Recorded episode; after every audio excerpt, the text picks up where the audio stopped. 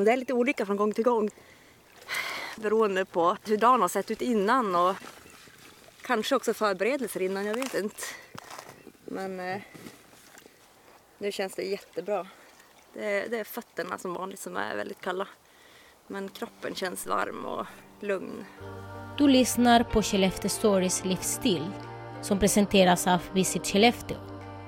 En artikelpodd om upplevelser och besöksmål i Skellefteå sett genom en invånarens eller besökarens ögon. I detta avsnitt får vi följa med John Eriksson och Maja Nyström när de tar ett uppfriskande lunchbad mitt i smalkalla januari. Skriven och uppläst av Sven Burman. Ett lunchstopp i smällkalla januari. Det knarrar under skorna när jag traskar in på den snötäckta uppfarten. Det stora vita 20-talshuset med gröna fönsterkarmar ligger på första parkett med en stor veranda som vetter ut mot Ursviksfjärden. Husägaren John har bosatt sig här på Alderholmen med sin familj. En plats med en historia som sträcker sig ända tillbaka till Ursvikens hamnepok.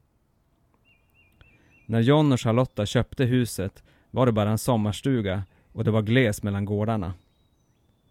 Huset har sedan dess vuxit på alla ledder och en handfull nyproducerade villor i blandad stil har gett området en ny karaktär.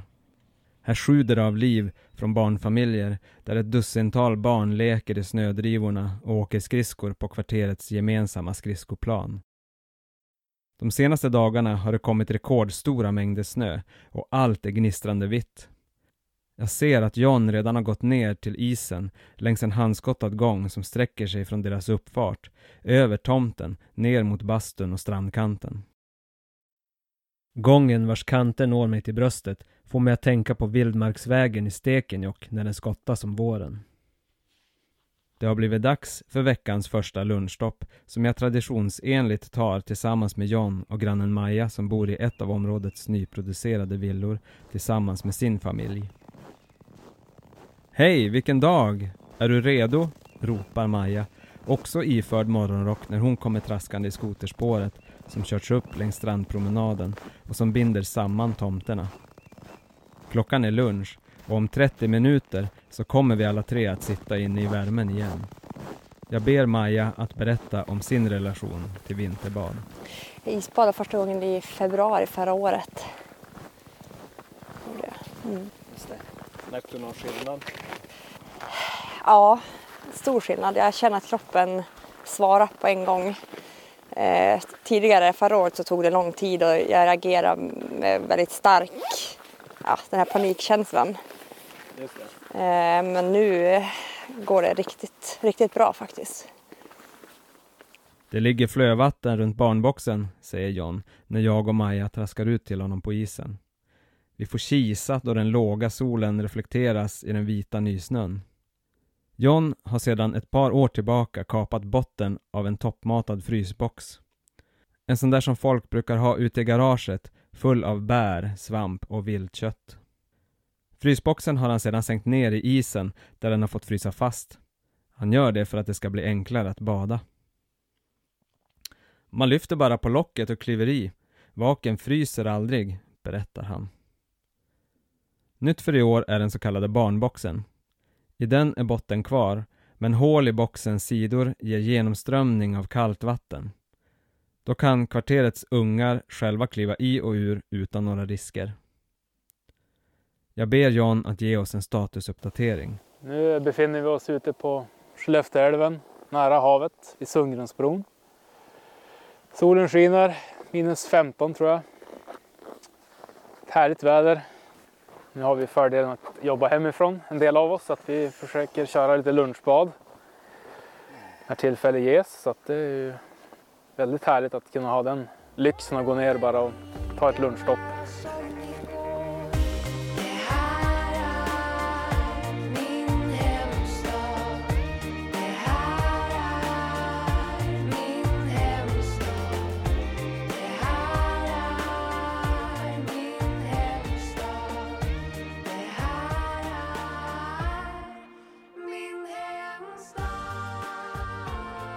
En växande gräsrotsrörelse. I teorin låter det kanske inte som den bästa av idéer. Ett vinterbad. Att bara klä av sig när termometern visar minus 15 grader går liksom emot människans överlevnadsinstinkt. Även om vinterbadandet har fått ett rejält uppsving senaste årtiondet så är det inget nytt påfund. Det har vinterbadats i Norden, Ryssland och Nordamerika i århundraden. Skillnaden är att de sedan gammalt påstådda hälsoeffekterna nu har börjat backas upp av vetenskapen samt att de luttrade bastugubbarna och tanterna fått sällskap av en yngre och bredare målgrupp. Jag kan börja, säger jag och kliver ur mina vinterstövlar, ställer fram mina medhavda badtofflor bredvid vaken. Jag tar några djupa andetag och kliver rakt ner i boxen. Kylan tränger sig snabbt in och jag försöker hämta andan så att jag kan be John att under tiden jag badar berätta om sitt första bad. Ja, den första känslan var ju, det var ju panik när man hoppade i första gången.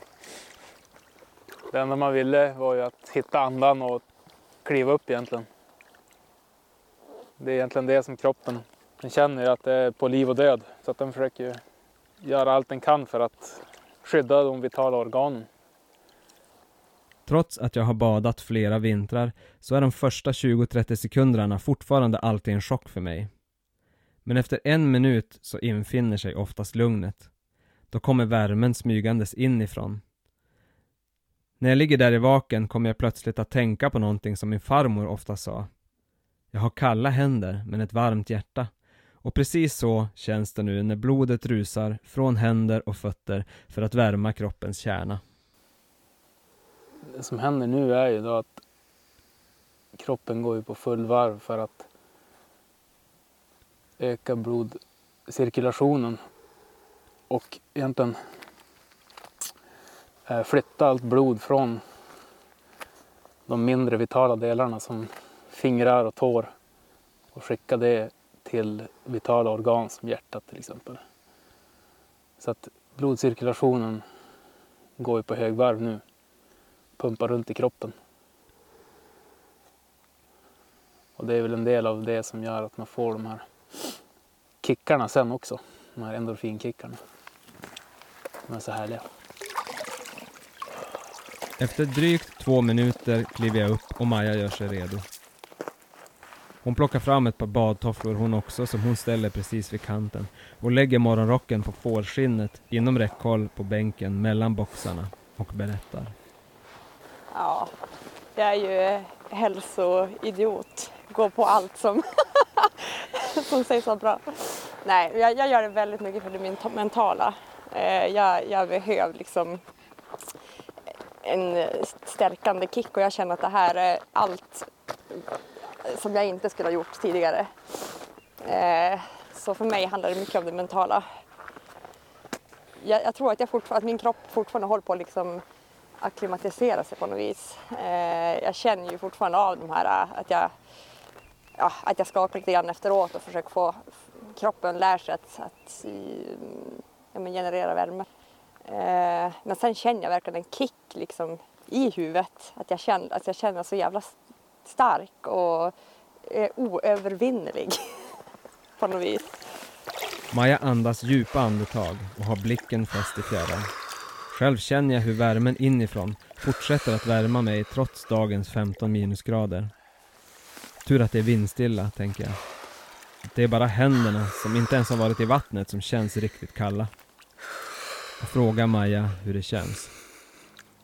Det är lite olika från gång till gång. Beroende på hur dagen har sett ut innan och kanske också förberedelser innan, jag vet inte. Men eh, för mig handlar det mycket om hela min dag och nästan åt att fokusera på att jag ska bada. Men det kan ju vara bra i och för sig, jag vet inte. Men jag tänker på det hela tiden. Jag, jag förbereder mig liksom att se, visualisera att jag går ner i vaken och tar det lugnt. Och det kanske är bra för mig att göra det. Det tror jag. Men eh, det är lite dumt att hela dagen ska handla om fokus. Det var liknande i början när jag var med på vintersimmet första Ja. gångerna. Då hade man ångest hela dagen för att man skulle ner och simma där 25 meter och sådär. Men efter andra året då släppte det där och sen har det som inte aldrig Nej. känts ångestladdat Nej. på samma sätt som då. Nu känns det jättebra. Det är, det är fötterna som vanligt som är väldigt kalla. Men kroppen känns varm och lugn. Trots att Maja har suttit drygt två minuter i vaken låter hon väldigt samlad och avslappnad.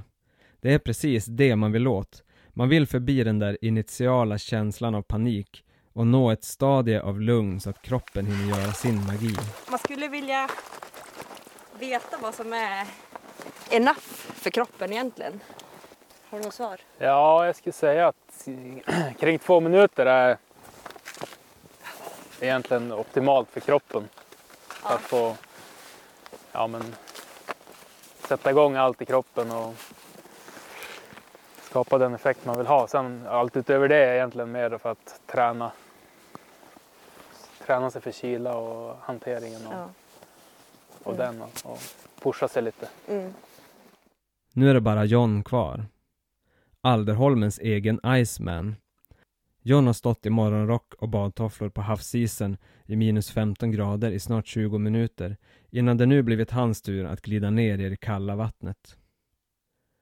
Han tar några andetag, djupt och kontrollerat. Sedan kliver han rutinerat ner i vattnet. Han har sedan länge tränat bort kroppens uråldriga fight or flight respons och ser retsamt oberörd ut när han tittar upp på mig från frysboxen. Ja, vi har försökt ligga i i alla fall minst två minuter. Sen, beroende på hur man känner sig och kroppen reagerar så kan man ligga i upp till tio minuter kanske. Har du, hur länge har du legat i? Ja, jag har legat i tio minuter förra våren. Men då var det vårkänsla, det var fem grader, solen sken.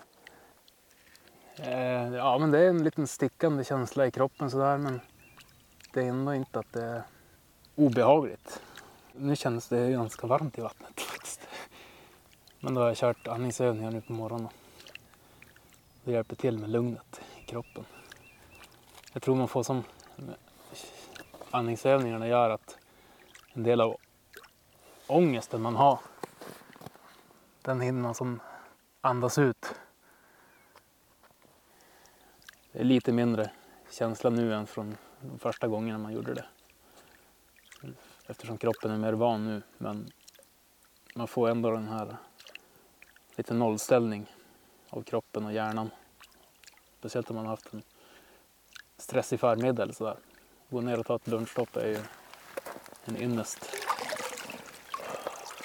Klockan har hunnit bli 20 över 12 när John kliver upp och vi alla tre får på oss morgonrockar och torra skor igen. I början av denna berättelse nämnde jag alla nybyggare här nere på Alderholmen. Alla barnfamiljer som under en femårsperiod har byggt hus här nere där Skellefteå älv möter Bottenviken. Och faktum är att jag, John och Maja är långt ifrån de enda som vinterbadar här nere. På kvällar och helger badas det frekvent och innan pandemin träffades vi flera familjer för regelbundna familjebastuar och bad. John berättar. Det började väl egentligen med att mina egna barn har sett på när jag simmar och bada. Och sen har ju de då velat testa det och tyckt att det har varit iskallt men ibland första gångerna grät de efteråt. um, men, um, ja, men då väntar väntade vi en vecka och så veckan efter då ville de bada igen. Och sen ju mer de har badat desto härligare tror jag de tyckte det också. Så att de är, kan ju sitta i, i alla fall den äldsta dottern sitter i en, två minuter nu. Och sen har det där som sprider sig. Det har ju ja, men, bjudit in andra grannar med barn och basta och låter dem prova på att bada. Så att det har som blivit en återkommande happening vi kör.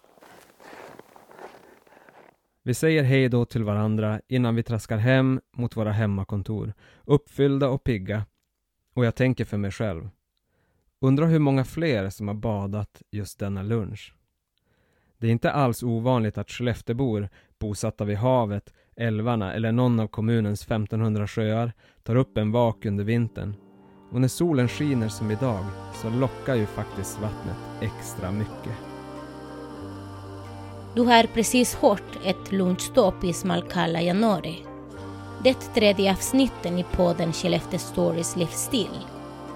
Ifall du vill veta mer om vad du som besökare eller invånare kan uppleva i Skellefteå på vinter så besök visitskellefteå.se.